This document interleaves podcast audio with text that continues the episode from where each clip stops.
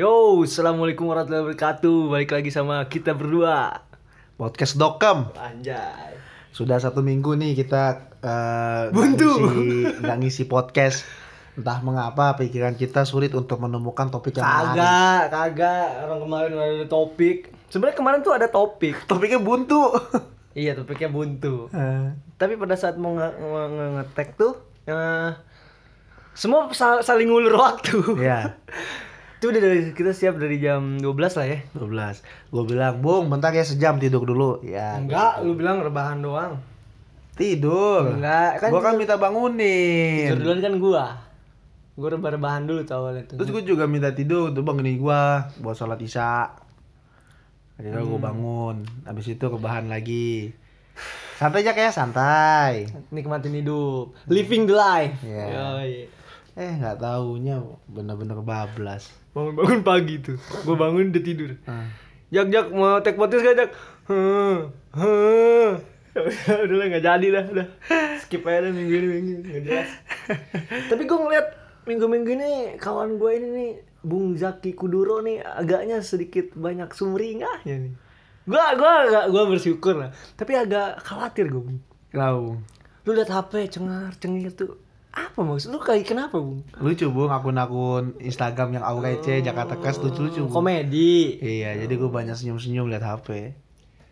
Gue ngeliatnya kayak nggak ada beban aja gitu kalau gue lihat. Banyak bung bang bung. Banyak ya. Iya. Bangun bangun. Beban hidup. Nggak jelas kamu. Ya biasalah kalau udah jam segini kan banyak gak jelasnya. Ya tapi bagaimanapun kehidupan ini harus tetap kita syukuri bung ya. Eh, the life must go on. Ya Life apa pun yang go on. terjadi.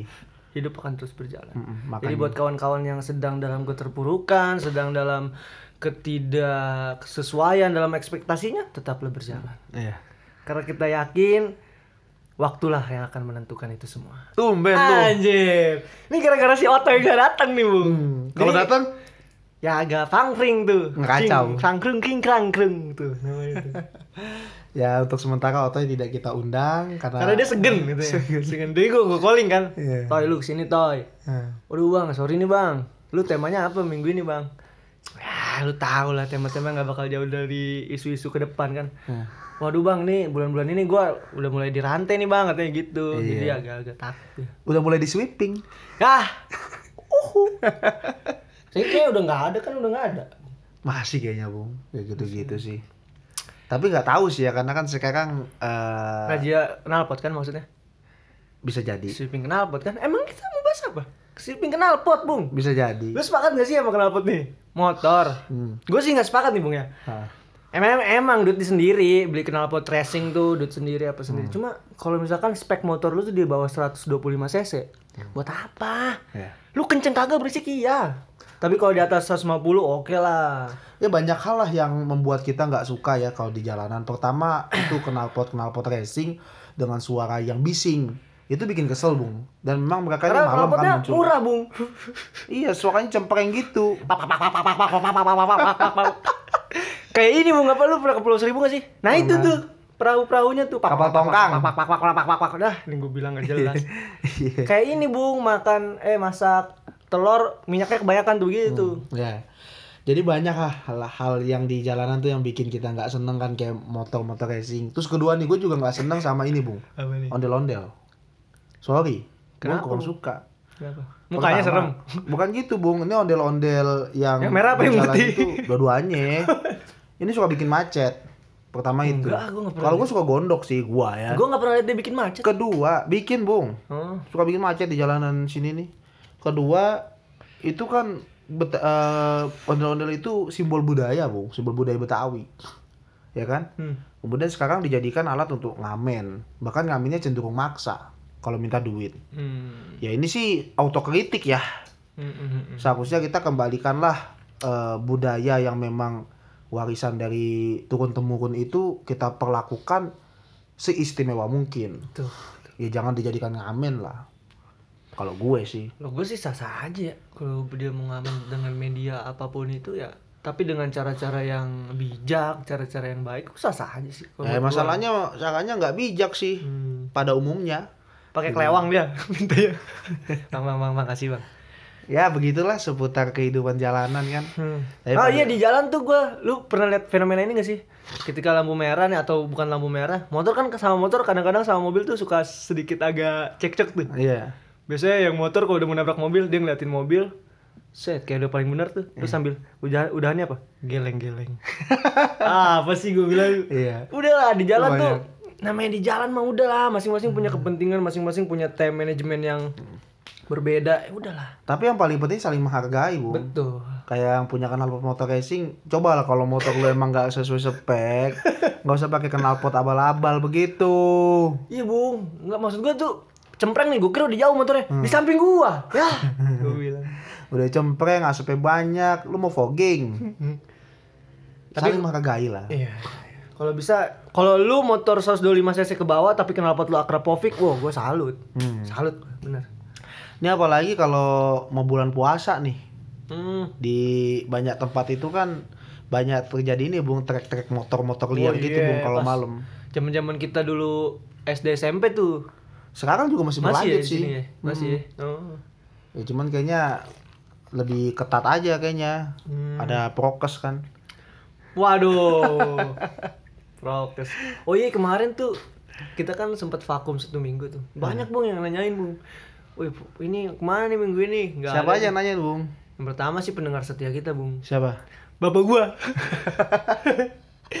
Dia bilang kayak gini. Mana nih minggu ini prokes nggak ada nih prokes. Lama tiga, kok prokes sih? Protokol kesehatan atau gimana? Podcast pak, podcast. Iya.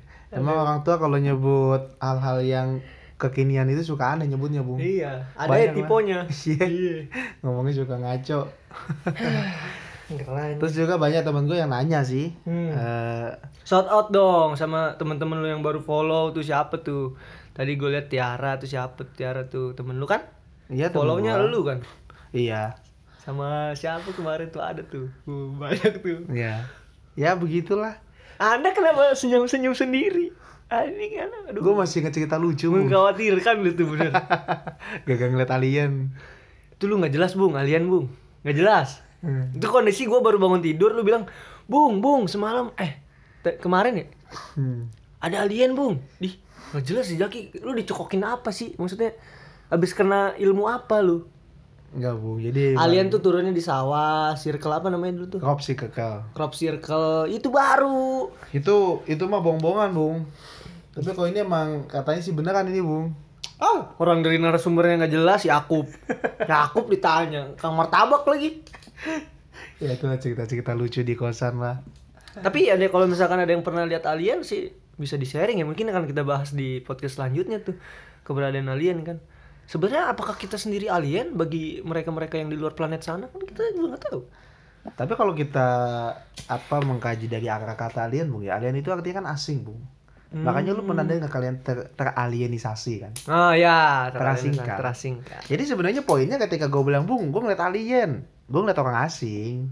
Oh, cepu. Hah? Cepu di sini juga ada cepu, Bung. Banyak Bung. Itu yang bapak-bapak botak, Bung, di bawah, Bung. Iya dari kemarin tuh mondar mandir mondar mandir. Tapi gue bingung nih, dia ada di bawah. Hmm. Terus di ruang tamu si ibu kos. Iya. Pas gue mau mandi, dia ada di sini, Bung. Iya. gue bilang, ini siapa sih? Alien. Oh, itu dia. Alien itu Bung. Lu tau nggak kalau kita main GTA tuh ada tuh misi pertama yang badannya gede tuh. Ah. Itu tuh dia tuh. Situ. Oh, dia belum jadi Big Smoke, Big Smoke. Oh, iya, Big Smoke. Hmm, Big Smoke. Lu main PS nggak sih dulunya? Main lah. Main kan. Ya anak-anak rental PS Bung. Sejam 2000 Udah 30 menit nambah lagi.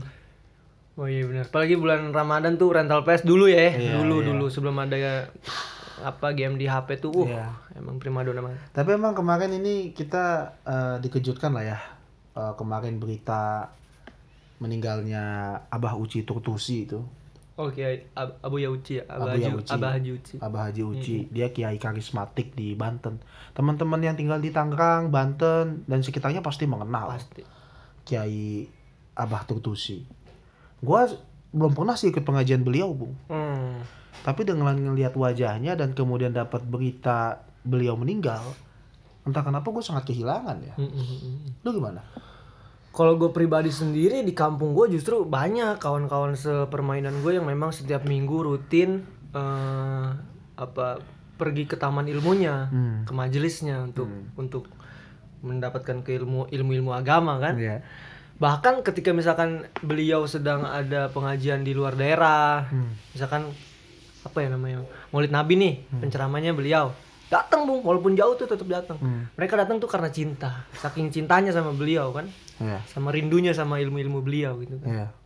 gue hitungan jari sih datang ke majelis beliau tuh cuma pada saat eh, tahu kabar beliau Wafat ya. wafat wah nggak tahu kenapa kayak kok hati ini geter gitu Iya. ini nggak bohong karena ini Iya. beneran dari lubuk yang paling dalam gitu Gila. makanya memang se- kita nih sebagai podcast mengucapkan turut berbelasungkawa yang sedalam-dalamnya lah Ya turut kehilangan lah Turut kami kehilangan. juga, saya juga, gue juga ngerasa banget lah kehilangan Abah Aji Tutusi itu kan.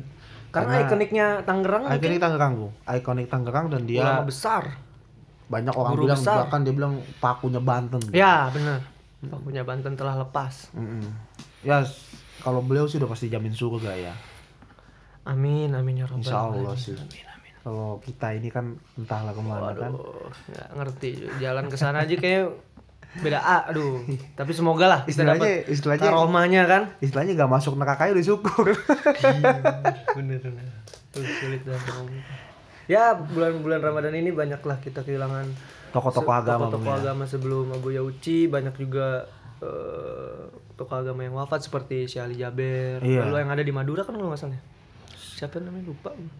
Sama yang di Madura DKI. siapa bung di Madura bung? Gue lupa, Bung. Gue tukang sate tahu gua. Iya ada bung, serius serius. Lu jangan bercanda bung, gini bung. Serius? Ada juga yang di DKI, ada yang di itu eh, spot timelinenya tuh nggak terlalu jauh. Iya. Jadi kan banyak Iya ulama-ulama besar betul. yang meninggal. Itu jadi fenomena menarik tuh Hmm. kemarin-kemarin tuh saat banyak ulama-ulama yang meninggal dalam jangka waktu yang berdekatan. Iya.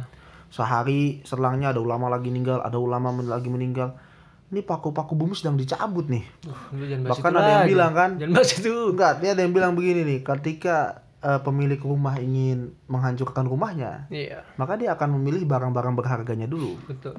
Barang-barang yang sampah itu akan dia tinggalkan, kemudian rumahnya dihancurkan. Iya. Apakah Sudahlah. Ini log- eh, analogi mungkin ya, analogi analogi. Tapi nggak ngeri lah kalau bahas Iya. itu ngeri. Eh, Tapi tapi, ya- ini Bung, gue pengen ada juga satu kekecewaan gue sih sama ini gue liat di Instagram tuh. Hmm. Nama Instagramnya itu eh Sebut aja, Bung. Iya, gue lupa. Aswaja Aswaja underscore Stulen kalau nggak salah ya. Ah, Kalau nggak salah nih ya, ah. dia bilang nggak apa ya sebagai umat yang beragama tuh nggak elok lah. Gimana ngomongnya? Sebut Dia aja. bilang karena Buya Uci meninggal, wafat. Hmm. Dia bilang gua kira dia bakal bilang berbelasungkawa, nggak taunya apa coba Bung, di captionnya. Alhamdulillah Kiai Bid'ah telah istilahnya udah meninggal lah gitu. Wah, dalam Kia hati gua, bid'ah telah meninggal. Kiai Bid'ah. Aduh, bro, bro. Lu baru ngaji kemarin sore aja lu merasa ilmu lu paling tinggi, Hmm. merasa sorga udah lu yang megang kuncinya. Betul betul betul. Ya begitulah, bro. Banyak sih yang kayak gitu, Bung. Banyak, Bung. Gue nggak ngerti ya maksud gua kita kan punya rasio berpikir masing-masing ya. Hmm. Gini loh, kita breakdown nih. Lu lu sepakat nggak firman Tuhan itu mutlak kebenarannya? Sepakat lah. Firman Tuhan kan? Tata- tapi antara firman Tuhan dengan logika berpikir manusia itu kan ada jarak. betul. Jarak kita menuju ke sana, kebenaran sana, itu kan menimbulkan mazhab-mazhab tuh. Betul.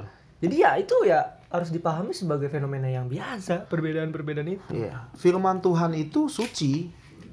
Tapi ketika firman Tuhan itu ditafsiri oleh manusia, maka firman Tuhan itu kemudian menjadi eh, banyak pandangan, banyak perbedaan pendapat. Sehingga kan banyak sekali ulama tafsir itu dalam Al-Qur'an. Yang satu menafsirkan seperti ini, ulama lain menafsirkan yang beda. Hmm. Makanya ada yang bilang tuh Al-Quran itu suci. Tapi ketika di- sudah ditafsiri itu dia sudah lagi tidak suci. Ya. Karena Nah, sudah bercampur aduk dengan logika berpikir manusia. manusia. Betul. Karena gue memahami bahwa apa yang ditangkap logika kita itu ada batasnya. Heeh.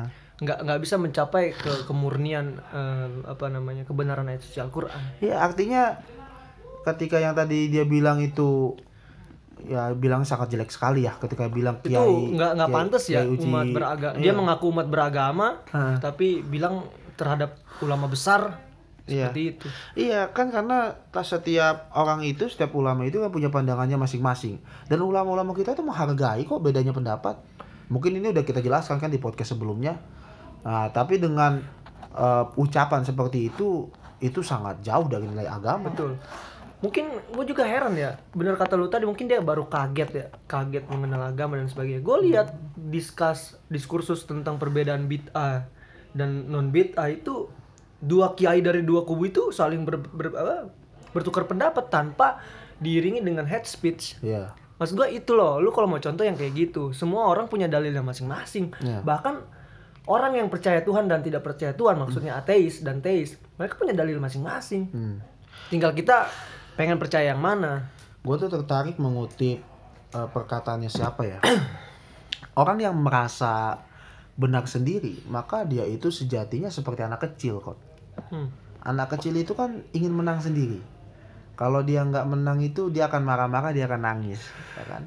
Orang-orang yang suka merasa benar sendiri pun sama demikian. Hmm. Dia tuh akan mengamuk, dia tuh sumbunya cepet eh, terbakar, kemudian meledak, ya kan? Iya. Ketika adanya perbedaan-perbedaan pendapat dan dia ingin menang sendiri.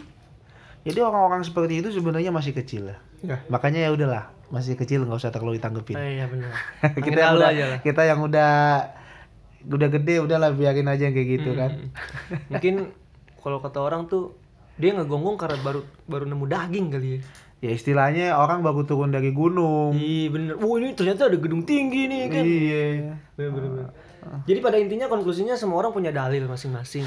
Hmm. Bolehlah anda eh, merasa dalil anda benar, tapi dikonsumsi untuk pribadi anda. Jangan anda paksakan untuk eh, apa namanya? halayak umum Iya. dan jangan sekali jangan sekalipun menyerang orang lain Iya. apalagi yang diserang ini tokoh Iya. Itu itu benar-benar nggak ini sih. gue juga pernah dapet gini bung ada tuh orang yang eh, status siapa ya status eh, kayaknya status akun-akun Instagram juga deh dia bilang eh, Ustadz Quraisy Shihab itu sesat Waduh, oh ya gue tahu nih.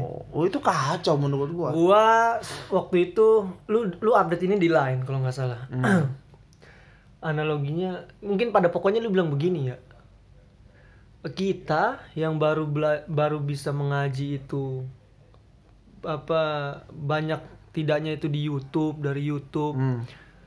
tapi menentang dan menghakimi seorang ulama ulama sebesar semasyur Quraisy Shihab yang memang sudah belajar menimba ilmu di apa di Mesir ya? di Mesir di. Mesir udah profesor dan sebagainya iya jadi ilmu lu masih se ya nggak elah. ada nggak ketakar gimana ya ya itu Quraisy Quraisy Shihab apple itu bahkan apple gitu. sudah menuliskan kitab ya kan? Anda menuliskan apa? Gitu loh. Kalau anda pengen kontra terhadap orang lain terhadap karyanya ya sebisa mungkin balas dengan karya juga lah. Ya, tulisan dibalas dengan tulisan.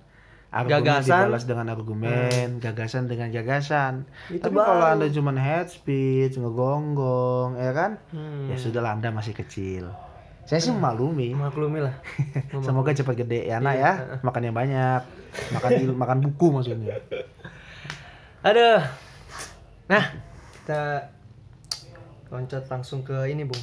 Bentar lagi nih, Bung. Kita. Ya yang tadi, Bung. Bentar Besok ini lagi. kita masuki Ramadan tapi dengan nuansa yang berbeda, Bung, dengan Ramadan sebelumnya.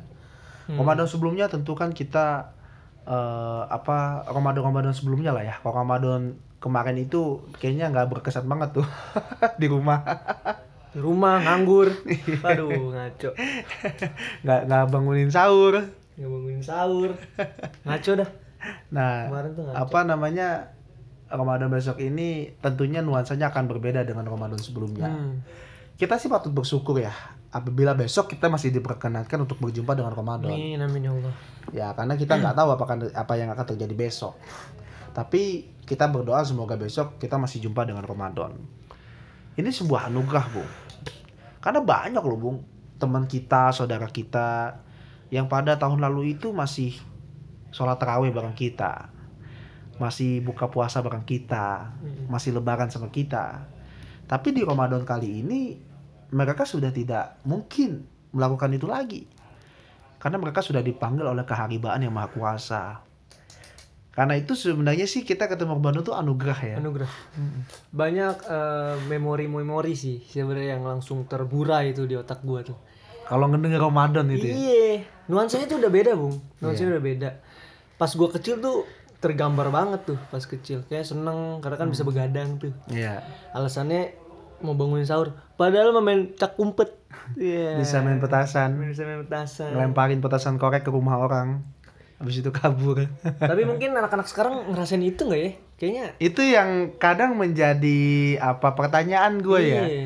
Kita tuh dulu di bulan puasa seru banget sih kalau gue tuh.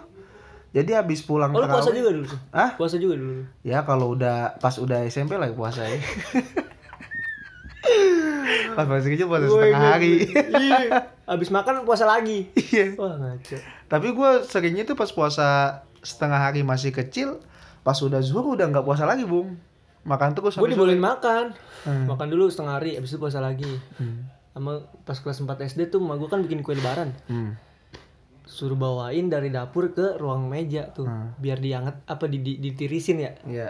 gue sambil jalan makan satu ya namanya bocah bu Ya. gimana Ya kayak yang tadi lah bung, anak-anak bocah kan ya. bocah, Bung. Tapi sejarahnya puasa tuh gimana aja gue gue sebagai ini agak kurang paham juga tuh sejarah tentang puasa Gue juga tidak eh, mengetahui secara detail ya.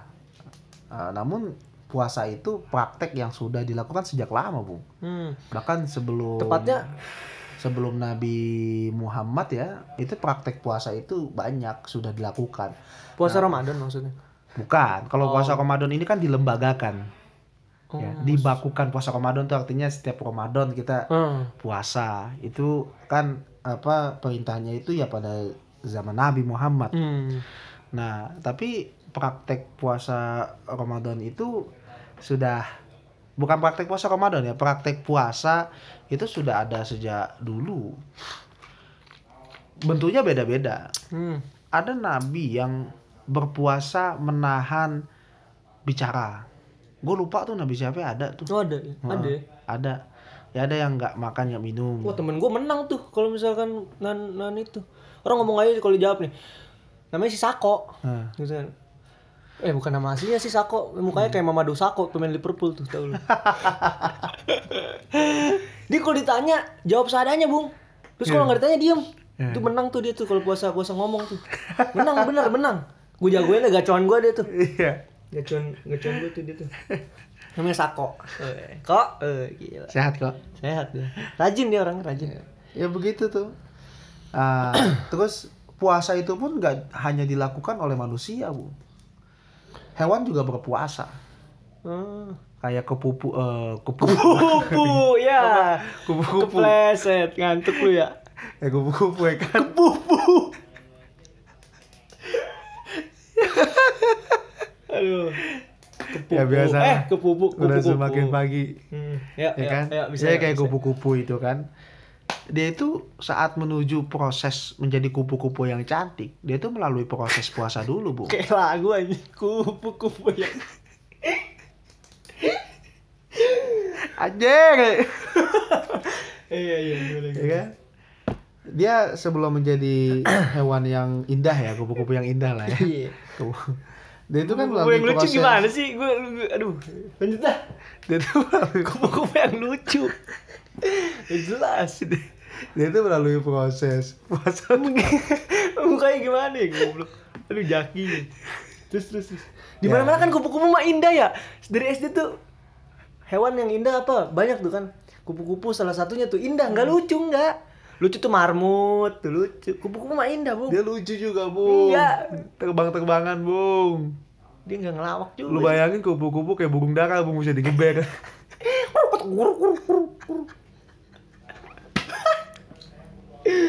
Aduh, nggak ada sih. Otoy nggak ada sih ya. Iya. Kita ada lebih parah, Bung. Eh, terus terus. Nah, kupu-kupu itu kan sebelum menjadi hewan yang indah ya. Hmm. Dia itu kan melalui proses eh apa? Metamorfora kan. Metamorfosis. Metamorfosis ya. Metamorfora apa?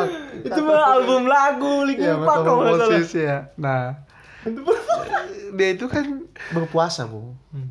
Berpuasa. Makanya itu menjadi analogi sih. Analogi bagi orang yang melakukan praktik Oh puasa. iya benar.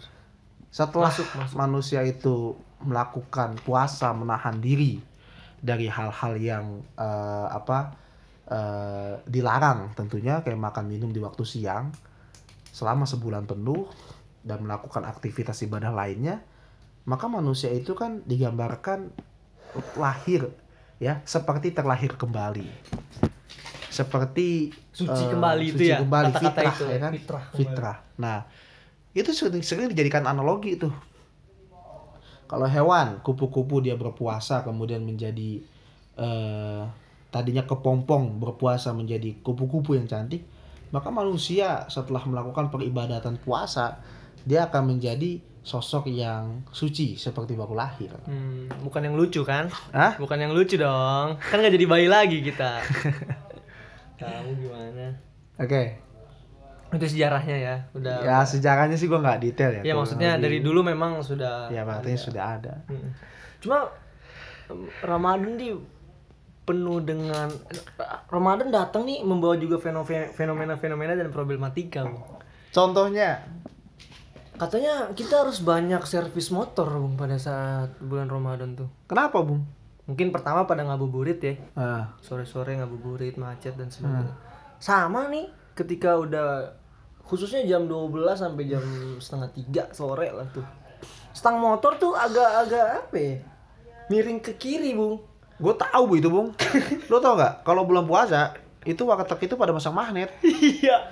motor kita itu Kayak ada GPS gitu ya. iya jadi dia suka apa namanya mengarahkan sendiri loh Hmm. ke magnet-magnet itu Iya, Bung. contohnya nempel aja Iya, katanya orang kehipnotis juga tuh tiba-tiba pas sudah keluar dari salah satu warung Tegal itu kenyang, kan. Gue baru ingat, oh iya puasa. Ih, serius bung, kampret Ih serius. Makanya wanti-wanti lah. Sa pikiran jangan kosong pada saat bulan puasa tuh karena tiba-tiba wah kok gua ada kita bukan pas makan tuh enggak enggak pada saat kenyang wah kenyang nih wah kan lupa tuh hipnotis jadi lanjut puasa nggak apa-apa oh Nah, kayak hati-hati tuh. Stang motor harus segitiga motor tuh stangnya tuh harus servis. Iya. Pastiin nggak kenapa-napa. Ah, sama pikiran jangan kosong ya Pikiran jangan kosong. Kalau pikiran kosong motor belum diservis Ah, Anda udah kena. Iya, kena. iya. Pasti. itu motor magnetnya nyambung gitu langsung Nyambung. Kalau boleh tahu di sini warteg mana aja bu gabung selama puasa Di sini kan gua baru ya, baru di sini ya. Jadi gak tahu tuh itu tirai-tirai. informasi yang sangat bermanfaat Iya, mungkin di, di, di ini ya di deket Masjid Haji Salman nih. itu kan di ditutup tirai hijau tuh. Banyak kaki-kaki Kang Baja itu.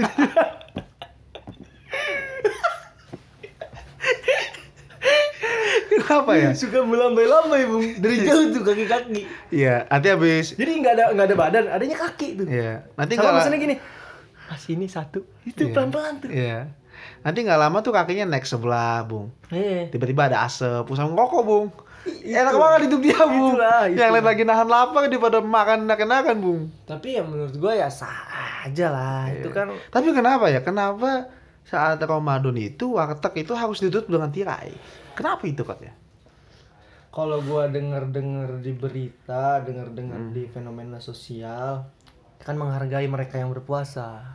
Hmm. Tapi menurut gue ini logikanya nggak masuk ya. Kenapa harus dihargai? Kan memang sudah menjadi kewajiban untuk kaum muslimin itu untuk berpuasa. Jadi ya emang lu jadi masalah gitu kalau ada warteg terus lu berpuasa, terus lu jadi kegoda ya lu nya aja itu mah yang lu pengen makan. Hmm. Harusnya kan lu membentengi diri lu dengan iman. jadi lu nggak setuju ya Nah, setuju lah apalagi Hmm. dengan cara-cara apa sih namanya sweeping sweeping itu apa sih maksudnya?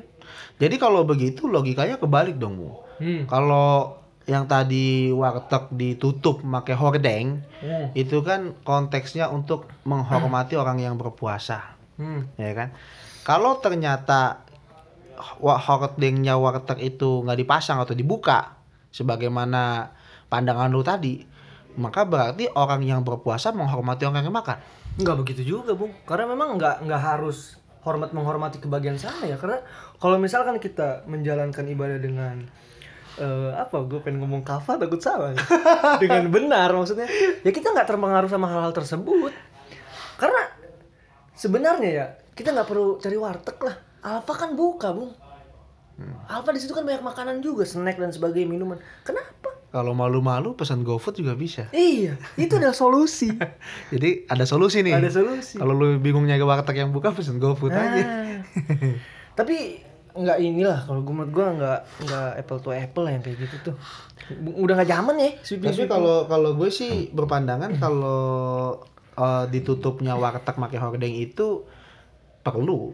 Kalau sweepingnya gue nggak sepakat, sweeping sweeping warteg. Tapi kalau ditutup hordeng itu perlu. Hmm. Ya pertama itu bagian dari menghormati orang yang berpuasa sih. Kenapa harus dihormati, Bung? Loh, Menurut gua tuh ini kenapa kan saling respect aja, Bung. Hmm. Saling respect. Kan mayoritas di sini kan muslim, ya kan pada berpuasa. Tiba puasa itu kan nggak sederhana juga. Siang kan pasti lapar, haus kan. Terus ada orang makan, ada orang minum kan kalau terbuka secara umum ya itu kan nggak elok kelihatannya. Kalau gue mah Pandangan gua. Nah, makanya menurut gua sih ya sudah tepat sudah ya. tepat. Warteg-warteg itu hordengnya ditutup. Cukup kakinya aja yang kelihatan. Kalau bisa ditutupnya sampai bawah tuh. Iya. Jadi kalau masuk kayak mau beli ke Lapo. Om, Om, Ada usus. nomor nomor 12 ya masuk. Gitu. By system lah sekarang by digital kan. Iya, iya. Ya itu sih. Jadi ya menurut gua perlu aja. Tapi lu Kemudian gak sepakat kedua- sama sweeping-sweeping ya kan? Sweeping nggak sepakat. Kemudian kedua eh, ini untuk apa menyemarakan semangat Ramadan sih kok. Hmm. Dengan ditutupnya warteg dengan hordeng-hordeng gitu. Tapi selain warteg ya warung Padang tuh tutup hordeng juga kok. Atau dia tutup apa? Lu nanya gue seakan-akan lu tahu gue itu habit habit habit rumah makan. Gue nggak tahu bung. Ya kan buat referensi buat teman-teman kita ini kan pendengar podcast setia. Sekeliwat gitu. gua nih Ah, warung Padang. ah. Warung Padang juga sama. Tapi kenapa disebut warteg aja ya? Iya, itu kan diskriminasi terhadap kawan-kawan kita yang buka usaha warteg kan. Iya, kenapa nggak disebut warung Padang yang pakai tirai? Iya. Atau warung makan lah ya pakai tirai? Kenapa warteg yang selalu disebut? Terus kenapa juga nggak restoran yang di sweeping? Itu pertanyaan mendasar bagi kita. Apakah sudah ada pelicin yang masuk? Apakah sudah ada benteng yang membentengi mereka? Waduh. Itu adalah pertanyaan. Ini sama aja kayak yang kita ini Bahas Bung, dulu. sama yang kita bahas dulu. Atau yang kemarin Bung, Hmm. pernikahan di masa Covid. Di sweeping kan Bung sama Satpol PP. Kemarin artis di di di di bener banget. ya kan nikah bukan di sweeping. Didatangi langsung. Di kalau kalau didatangi itu berarti di, di direstui Iya. sama petinggi-petinggi negara kita bahkan RI 1 sebagai saksi. Kenapa lu ngomongnya pelan-pelan anjir? Di depan kan banyak cepu. Bu. iya. Nanti tinggal Anak alien ya. Dari tadi alien Iya. mondar mandir Bung ya. Oh, gua tahu. Gua baru ngerti. Gua baru ngerti tentang alien. Oke, siap. Gua udah paham. Kan gue dari tadi ngomong gak paham juga lu. Iya, benar, gua udah paham. Ya itulah, maksud gua banyak paradoks di negeri ini ya. Iya. Di satu sisi pemerintah mengatakan acara-acara pernikahan kalau bisa cuma akad lah. Iya. Loh, kemarin itu apa? Ya kan? Anda itu datang langsung jadi saksi. Iya, terus jadi kenapa jadi saksi? Jadi sebenarnya corona ini masih ada apa enggak sih anjir? Aduh, terus katanya nggak boleh berkerumun tapi tempat wisata dibuka. Artinya ini apa sih sebenarnya? Gak boleh mudik tapi boleh pulang kampung. Coba, coba tolong. Aku nggak masuk gitu sama logika berpikirnya ini ya. Mungkin apa gua memang kurang literasi, kurang memba apa kurang peka terhadap membaca fenomena sosial. Tapi menurut gue itu paradoks. Sangat paradoks, Bung. Eh, tempat wisata dibuka, Ah. tapi kita nggak boleh berkerumun. Lah bagaimana? Iya. Konsepnya itu gimana? Iya. Terus nggak boleh tadi menikah, eh nggak boleh menikah, nggak boleh berkerumun untuk persepsi. Tapi kemarin-kemarin ada yang datang gitu loh. Ini ini benar-benar paradoks ini. Ya sebenarnya sih eh, kalau mau ngadain resepsi gampang, Bung. Hmm. Minimal lu jadi YouTuber terbaik dulu aja. Hmm. Jadi, Sama jadi anaknya artis lah. hmm. Udah itu aja sih kalau mau nikah di zaman sekarang. Hmm. Di, mas- di masa pandemi Covid, kalau lu mau nikah, minimal eh, lu penuhin dua syarat. Pertama lu sebagai YouTuber terbaik ya yang bisa mendongkrak suara milenial ke depannya Makanya untuk kepentingan politik. Hmm. Kedua Waduh. eh, sebagai anak artis lah. Itu nikah pasti nggak bakal digerebek satu WP. Paling didatengin datengin. sama Kasih amplop. Pas sama didatengin sama politikus-politikus yang lagi nyari suara. Nah, itu. Gua nggak aduh, pusing gua pusing gua. Ya, kita sangat prihatin lah ya. Iya. nggak konsisten Mm-mm. bener deh nggak konsisten Makanya saya tadi nih satu itu, corona masih ada apa enggak sih anjir? Beda-beda gini nggak ngerti loh. gua gua nggak ngerti udahlah gua nggak ngefek juga lah udahlah Hmm. Ya udahlah. udahlah tapi masih ada bung yang dibahas bung Iya. itu fenomena pertama tuh warteg tuh Iya. Yang kedua kalau gua melihat di bulan puasa ini kan seharusnya kita meredam emosi Iya. sabar Heeh. tenang santai gitu kan jadi jiwa-jiwa santuy gitu Bung. Iya. tapi justru menurut data menurut angka yang pernah gue riset di tahun lalu justru kekerasan tawuran antar gang di Jakarta khususnya merebak bung Hmm. karena adanya sahur on the road Oh, Nah, SOTR. Ya emang ini udah jadi fenomena setiap bulan Ramadan ya. Anak muda yang bergejolak jiwanya itu kan Waduh. ingin menonjolkan eksistensi kan. Makanya suka nongkrong ke mana-mana. Termasuk sahur on the road itu kan berarti sahur di jalan kan. Iya. Padahal cuma bagi-bagi rokok. iya Harus- SOTR cuma bagi-bagi rokok. harusnya kan konsepnya sahur on the road sama ya kaum kaum tunawisma yang tidak bisa sahur karena memang kekurangan ekonomi kekurangan ekonomi lah Wah, kurang itu normatif idealis sekali Iya, Anda. memang kan konsepnya seperti itu. Ini kok Anda SOTR bawa mobil. Hmm. Berjejer tuh Bung, gue pernah soalnya tuh di daerah Senayan, Bunda Nai lah, daerah situ. Oh. Penuh tuh Bung.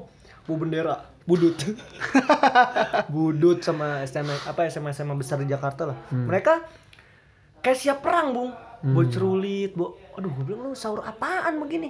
Kan cukup nasi bungkus, Iya.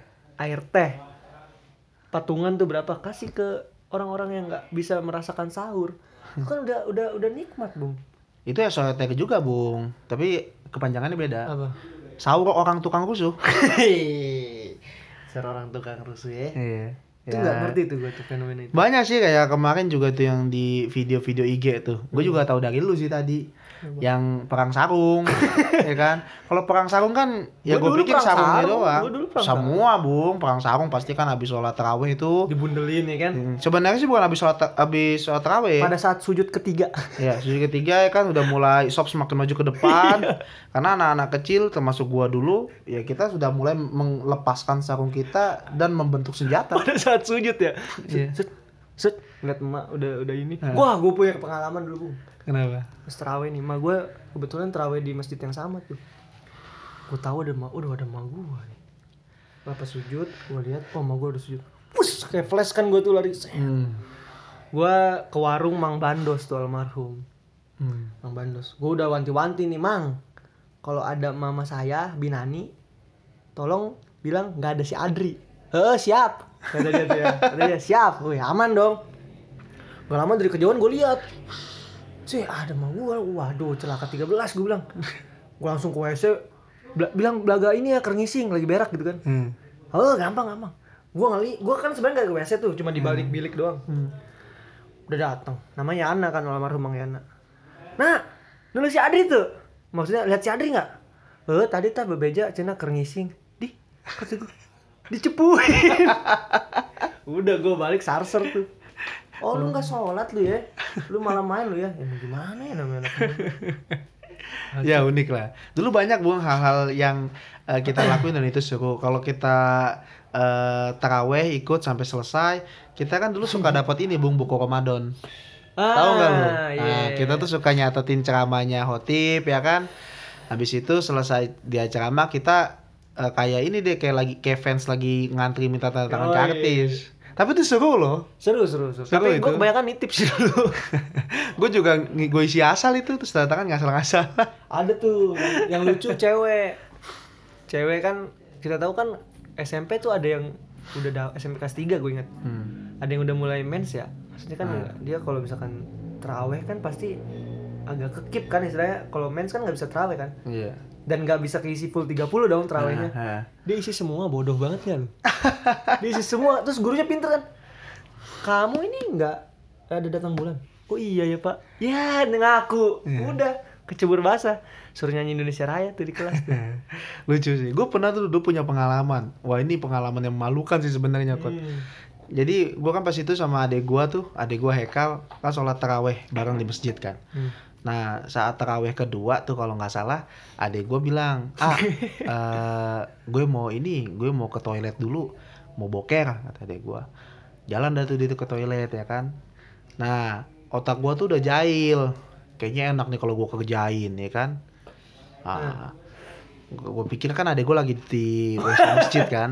Gue jalan lah ke WC masjid ya kan nah itu pintu nggak salah apa apa gue dobrak gitu kan gue mau ngagetin adek gue nggak tahu yang di dalam bukan adek gue Pemaskun ya? tetangga gue Bokap-bokap bokap-bokap bung buset kumisnya seram sambil ngerokok gak dia? Oh langsung ngamuk-ngamuk bung lu maksud lu gimana lu? Gila lu. Lu mau malu-maluin gila gua. ya kan? Oh pas itu gue gemeteran, bung, gue gemeteran. Akhirnya gue langsung cabut pulang. Pas gue pulang ngeliat adek gue lagi nongkrong di WC. Sialan emang adek gue. Lu bilang ke ke gue pas itu, lu itu mau ke WC yang di rumah bukan di masjid. Ya nggak perlu juga sih nggak perlu dia bilang juga Kan bilangnya bung, ah gue mau ke toilet dulu bentar ya. Itu kan di masjid berarti kalau ngomong kayak gitu. Kecil dia bilang, ah gue mau pulang ya. Nah itu kan beda. Ah itu ya gue masih ingat tuh pengalaman itu sejak eh, sejak saat itu gue nggak ke masjid lagi tuh. Padahal tuh masih awal-awal Ramadan bung. Masa bodoh deh gue. Itu apes juga tuh bapak-bapak lagi enak langsung ngegunting tuh pantat Anjing nih bocah nih sial Kan kalau pintu masjid, pintu WC masjid itu kan jangan ada kuncinya bung. Cuma asal nutup doang. Iya karena diganjel bata Iya. Nah itu kebetulan nggak diganjel apa-apa. Ada gua kain bung di atasnya kain diganjel kain set biar biar nempel Wah gila gue dibentak-bentak tuh inget banget gue. Banyak sih fenomena-fenomena Maksudnya Ya Ramadan tuh bawa kenangan lah pada intinya Kenangan masa kecil khususnya dari mulai apa namanya sepertinya jam main tuh bertambah ya kan Ya. yang yang gue bilang tadi jam main-main malam Jam istirahat juga bertambah bung karena pulang sekolah lebih cepat dulu kan. hmm. Dulu tuh seneng banget ya kalau kita eh, apa eh, puasa itu masih masih mas- di masa-masa SMP SMA itu bung. Asik aja gitu bung. iya Karena pulang karena sekolah- lu belum ada beban Iya karena pulang sekolah itu kita kadang nggak langsung pulang kan, Hmm. nungguin bukber ya kan. Wah iya itu fenomena yang hilang kemarin tuh bukber tuh Iya. kalau gue nggak ada bung bukber emang nggak ada kemarin Tahun lalu sih gue bersyukur sebenarnya bung, karena nggak ada bukber duit aman bung. Nah. tahun, tahun ini udah mulai ketak-ketir nih. itu juga fenomena anomali juga ya maksud gua kan pada saat puasa otomatis kan makan agak sedikit berkurang Seharusnya tapi kalau gua pengeluaran berkurang. kalau ya kalau gue pribadi justru di bulan puasa bung bengkak karena gue beli takjil nafsu kan nih Nah, nafsu lapar gue beli semua tuh Pada- padahal mah nggak kemakan semua bung Hmm. nah di situlah pos-pos anggaran terburai sama bukber ya. itu tuh Ya terus lagi kan apa udah mau lebaran tradisi orang Indonesia kan buat beli punya duit buat beli baju. Yang kocaknya tahun lalu tuh, lu tau nggak? Kan eh, karena covid setiap warga dapat bantuan. Di Bogor tuh warganya dapat bantuan, bantuan apa namanya uang buat covid. Duitnya buat beli baju lebaran. Ngehe. Iya, tapi kenapa iya kenapa identiknya baju baru kenapa? Ya mungkin itu sebagai ini bung ya eh, apa kan tadi yang gue bilang kan orang yang berpuasa itu setelah selesai satu bulan penuh maka dia akan menjadi pribadi yang baru Hmm. daripada badannya doang yang baru sekalian lah bajunya juga baru Oh, iya iya iya benar. ya mikir liar aja ini mas sama mikir yang baik-baik benar benar benar benar. Jadi suatu tapi kayak suatu keharusan sih kalau gue lihat lihat sekarang. Nah, itu yang menjadi persoalan sebenarnya ketika memang nggak ada kemampuan ya nggak usah dipaksakan sebenarnya tapi kalau ada kemampuan ya itu hak setiap orang Ya, itu bid'ah, Bung. Beli baju baru. Kan Nabi dulu nggak beli baju baru. iya bung Nabi belinya apa bung Waduh. Udahlah, jangan terlalu jauh ya. Waduh. Anda ini ah mancing-mancing saya. Iyalah itu bid'ah. Bid'ah. Iya. Nah, itu konsep Dulu kan gak ada pasar Tanah Abang. muka lu aja belum ada, muka lu bid'ah. Hmm. Hmm. Tapi bagi bagi orang yang bilang bid'ah dan non bid'ah itu katanya bid'ah dibagi lagi bu bid'ah hasanah bid'ah yang baik dan Iya. Ya itu ada pembagian lagi dan mereka ada juga yang nggak setuju bid'ah ya bid'ah. Mm-mm. Yang ter- karena katanya baru yang baru itu adalah sesat ya ibadah Iya. yang baru itu adalah sesat kalau bagi mereka yang strike sama su- al- su- sunnahnya nabi aja gitu kan Iya. Ya kalau mereka yang straight sebenarnya bukan straight sama sunnah Nabi, Bung. Hmm. Gue kurang setuju dengan dalil itu. Hmm. mereka yang straight atau kaku hanya dalam satu pandangan kayak kanebo kering nggak bisa Ah. bergerak lagi udah Kalau kata Fahrianza, eh dia pernah bilang begini, Bung. Kebanyakan umat Islam Indonesia itu mengalami kebekuan Hmm. dalam memandang Perbedaan. kompleksitas berpikir manusia. ya Nah, makanya kan gue bilang tadi antara firman Tuhan yang mutlak benar itu dengan logika berpikir kita untuk mencapai kebenaran Iya. itu ada jarak. Nah, jarak antara titik A logika kita dengan titik B firman Tuhan yang mutlak benarnya itu, itu kan ada perjalanannya tuh. Nah, di situ banyak mazhab-mazhab, banyak perbedaan-perbedaan. kayak inilah bung. Dalam ilmu logika yang namanya kebenaran itu hanya satu. Ketika ada dua pandangan yang sama-sama menyatakan benar maka ada banyak probabilitas. Pertama salah satu pandangan itu salah. Hmm. kedua eh, apa hanya satu yang benar tidak mungkin satu kebenaran itu dua-duanya benar. Itu kan ilmu logika kan. Kurang lebih begitu dalam eh, apa kebenaran.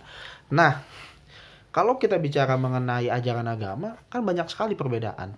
Jangan jauh-jauh deh teraweh Nah, ada yang sebelas. kalau gue bersyukurnya, gue pengen dua dapat tiga pengen dapat rokaatnya orang Muhammadiyah. Ya. Cuma 11 puasanya orang Muhammadiyah juga enak. Lebarannya cepet.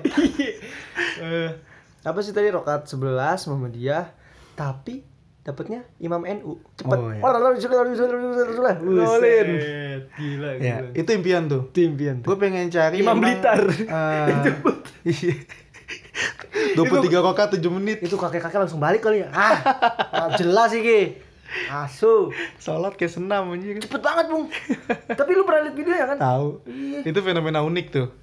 Gue sih Allah gak Akbar Iya. Allah sampai Allah liman Buset gue bilang keren banget nih orang Iya, ya kalau gue sih melihat fenomena unik aja ya. iya Karena gue nggak ada kapasitas juga bilang itu Iya salah lah. ini benar. Ya emang enak itu. Lu sholat di masjid yang eh, menganut paham 11 rakaat ya. Dalam hal ini banyak dianut oleh saudara kita yang Muhammadiyah. Tapi imamnya itu dari mazhab NU. Ya. Ah, yang iya. bacanya itu rakaat pertama biasanya surat pendek dari Wat Duha sampai Anas, rakaat kedua tuh pasti kulhu. hmm. hmm. Oh itu enak. Terus bacanya di wasol, disambung-sambung. Iya. Gue juga termasuk orang yang dulu tuh dulu, Bung. Tahun 2000 medio 2015 2016. Hmm. Gue salah satu orang yang memandang tahlilan itu bid'ah. Oh. Dulu, dulu. Gue masih anak kecil tuh dulu tuh. Saat lu sama Siapa? Enggak, gue Z. gue mengkaji. Gue mengkaji itu kan. Enggak lah, gue enggak ada sangkut pautnya sama siapa pun itu. Oh. Anda jangan bahas di sini dong. Emang kenapa? Siapa tuh dia denger? Janganlah. Bung, aduh, Anda nih offset lu, Bung. Oke, terus lanjut. Offset Anda nih, Bung. Oke, terus. kartu kuning anda ini terus gue kadang juga mikir gue kadang ma- mandang ini mandang sinis bung sama yang tahlil gitu Hmm. wah ini nggak ngajarin yang benar ini jujur ya gue jujur ya Iya. Nggak ngajarin sesuai kemurnian nilai Islam kan? Iya. gue ngomong gitu ke bapak gue bapak gue bilang apa? Cobalah kamu nggak per nggak bisa apa eh apa sih namanya berpikir sama pandangan kamu sendiri. Tuh di depan rumah kita tuh ada ada ustadz yang memang dia menjalankan tahlil dan sebagainya. Dia juga punya kajian-kajiannya dong pasti. Dia juga punya dasar-dasar. Cobalah diskusi. Wah artinya gila lu bokap gue bilang kayak gitu Waktu gue dalam hati gue oh, mungkin ya benar juga dan gue juga kan sering sharing sama lu kan Iya. jadi yang benar yang mana gitu kan tapi pada akhirnya gue berjalan berjalan berjalan melihat fenomena terus kajian-kajian juga ya jadi hal yang biasa menurut gue sekarang Perbedaan itu ya. perbedaan itu menurut. Karena terkadang lu eh, juga pernah begitu ya? Iya pernah. Kita kayaknya pernah jadi ada itu di fase ya gitu, itu fase, fase, fase ya kehidupan. fase yang dilewatin ya Kita masih kecil pada saat itu. Pola pikirnya ya. Ya sumur setua apa pun umur kalau pola pikirnya seperti itu itu masih kecil sih. eh karena itu terkadang bu kita menemukan orang yang bijak ya. Itu bukan dari orang-orang yang eh, hanya kaji agama. Orang bijak itu banyak ada di sekeliling kita Hmm. yang mereka ini berpandangan eh, tidak saling menyalahkan, berpandangannya menghargai orang, moderat, ya termasuk bokap lu kan, Iya. dia punya pandangan yang eh, bijak menurut gua.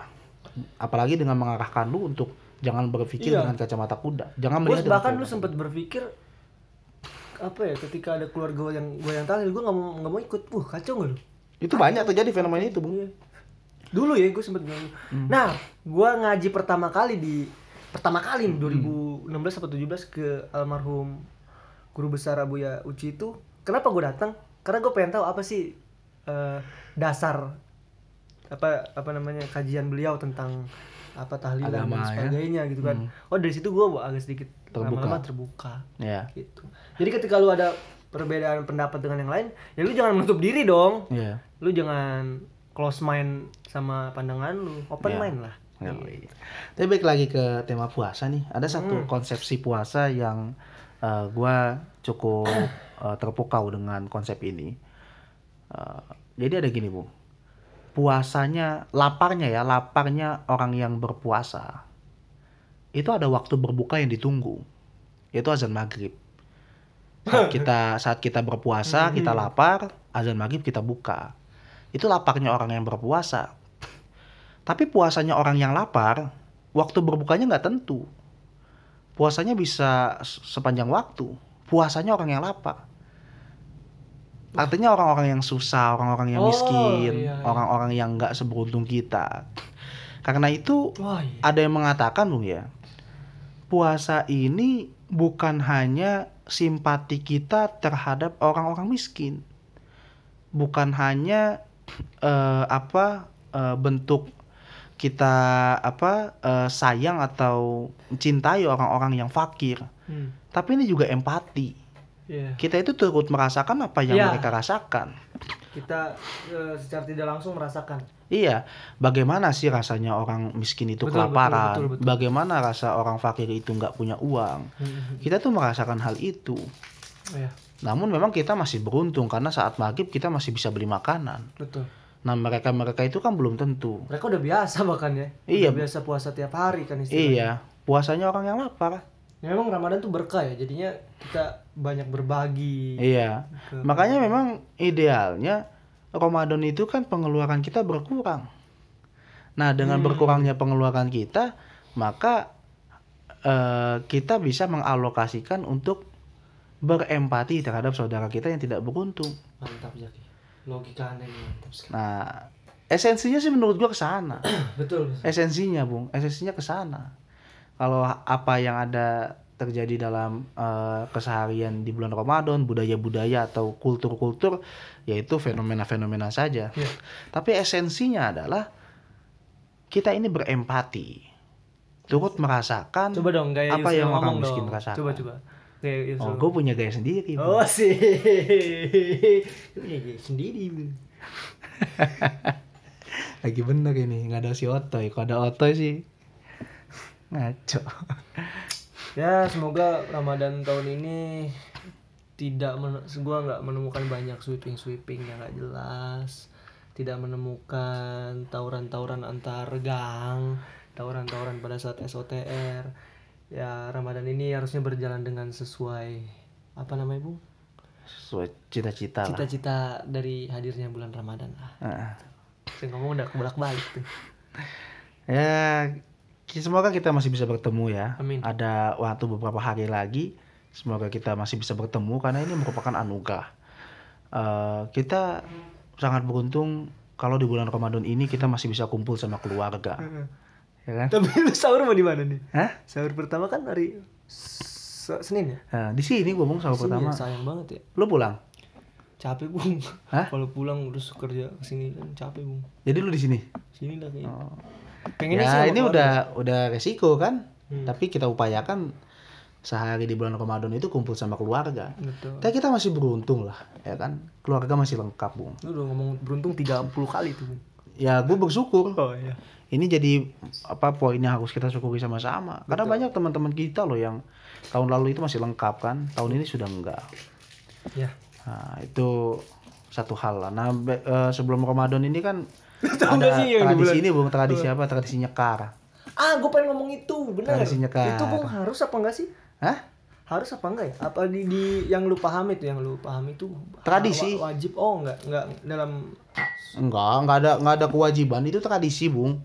Kan di kantor gua tuh jalurnya itu kan deket TPU ya. Hmm. Rame bung tadi. Iya. Tuh apa nih banyak bunga? Oh iya, Iya. pada nyekat. Ini kan suatu keberkahan juga buat tukang bunga, Bung. Bet. Sama tukang air melati. Benar benar benar. Jadi sebenarnya hidup ini tuh saling melengkapi aja. Ah, sosialisme itu. Iya. Itulah. Jadi jangan nggak jangan dipermasalahkan lah Jadi Islam itu gitu. kiri bung ya? Hah? Kiri Islam itu. Kiri tapi nggak nggak setang kiri mentok. Oh gitu. Masih fleksibel ya. Bisa kita bahas nanti lah ya di Iya. podcast berikutnya itu ya. Boleh boleh. Kayaknya seru itu. Makanya komen-komen lah sedikit. Hmm. Kita kan juga kadang punya pemikiran yang buntu tuh kayak kemarin. Hah. Tolonglah kasih insight-insight baru untuk kita yang untuk bisa yang sekiranya bisa kita bahas. Walaupun kita nggak bisa kita akan coba kaji dulu ya. Kita Ya. riset dulu. Hmm. Kalau nggak bisa juga ya buntu jadinya. Buntu tetap. Kita tetap bikin podcast judulnya buntu. Buntu. Nah, itu ada senjata satu tuh. Buntu. Hmm. ya begitulah. eh selamat menjalankan ibadah puasa semua teman-temanku yang eh, besok akan menjalankan ibadah puasa. Semoga puasanya dilancarkan. Semoga siang-siang tidak bau surya. Semoga siang-siang motornya tidak kewartek. Tetap isi pikiran Anda dengan hal-hal yang positif. Jangan pikiran Anda terbiarkan kosong. Kalau nggak bisa juga nih saran gue nih, lu malam begadang aja. Habis sahur tidur. Bangun jam 4 ya. Bangun jam Pas 4. gua kuliah tuh begitu. Kan Bung. enak begitu. Nikmat bung asli. Gua gua ngalamin bung pas kuliah. Sahur nih di waktu masih di Grogol sahur. Kayak Walking Dead bung. Iya. Jadi subuh subuh banyak orang jalan tuh. Iya asli itu fenomena bung Walking Iya, Dead. iya itu. Bener lu. Kayak Kan kayak kayak film zombie tuh. Iya kalau jam 3 nggak ya sedikit lah. Jadi pas gua keluar gerbang, wih orang jalan dulu. Iya. Kata si Padil tuh si Padil. Di di di ada Walking Dead. ada zombie. Sebenarnya warung ini warung Itu kan nasi. apa kondisi pagi-pagi orang baru pada bangun jalan Mukanya- sepoyongan kan. Mukanya aneh-aneh bung. Iya, makanya aneh. ada yang ngiler masih sini kan. Iya. Buru-buru. Takut keburu ajan. itu kocak itu kocak. Gue pengen ngeliat lagi fenomena itu loh. Di sini gue belum sih belum nemuin. Sama bung. Belum ya? Iya, sama. emang lu gak salah kali. Enggak sama. Gue kan tahu tahun kemarin di sini. Gak ada ya? Sama kayak gitu walaupun Oh sama. Ah, Kok gue gak masuk sih tadi ngomongnya? dari tadi anjing. Jadi lu buka pintu, lu ngelihat muka orang-orang yang beler, penuh iler, penuh belek. Banyak celana lemes juga tuh bang. Terus jalannya pada semboyongan gitu kan. Udah kayak film zombie. ada yang dibopo-bopo gak bang? Terus pas di warteg itu kayak orang berantem, Bung. Kan saya dulu, Mbak, saya dulu, saya dulu. Mbak-mbaknya juga budek ya? Iya. Kan Iya sih bener karena buru-buru ngejar imsak kan ya? Gue pernah lo kejadian tuh pas duduk di kosan lama, Bung. Hmm. Itu kan udah mau deket imsak kan. Udah mau deket imsak. Itu Walking Dead baru dateng terus gerombolan. ya kan? Itu Mbak Maya, Bung. Ngelayanin orang ini, ngelayanin orang makan sahur. Dia sambil ikut makan, Bung. Jadi ngambil nasi dia makan sesuap. Kasih ngambil nasi makan sesuap. Struggle Ngasih ya? lagi, uh set gue bilang. Ya itu paling Bahkan saya dulu mbak Sering tuh Iya segitu.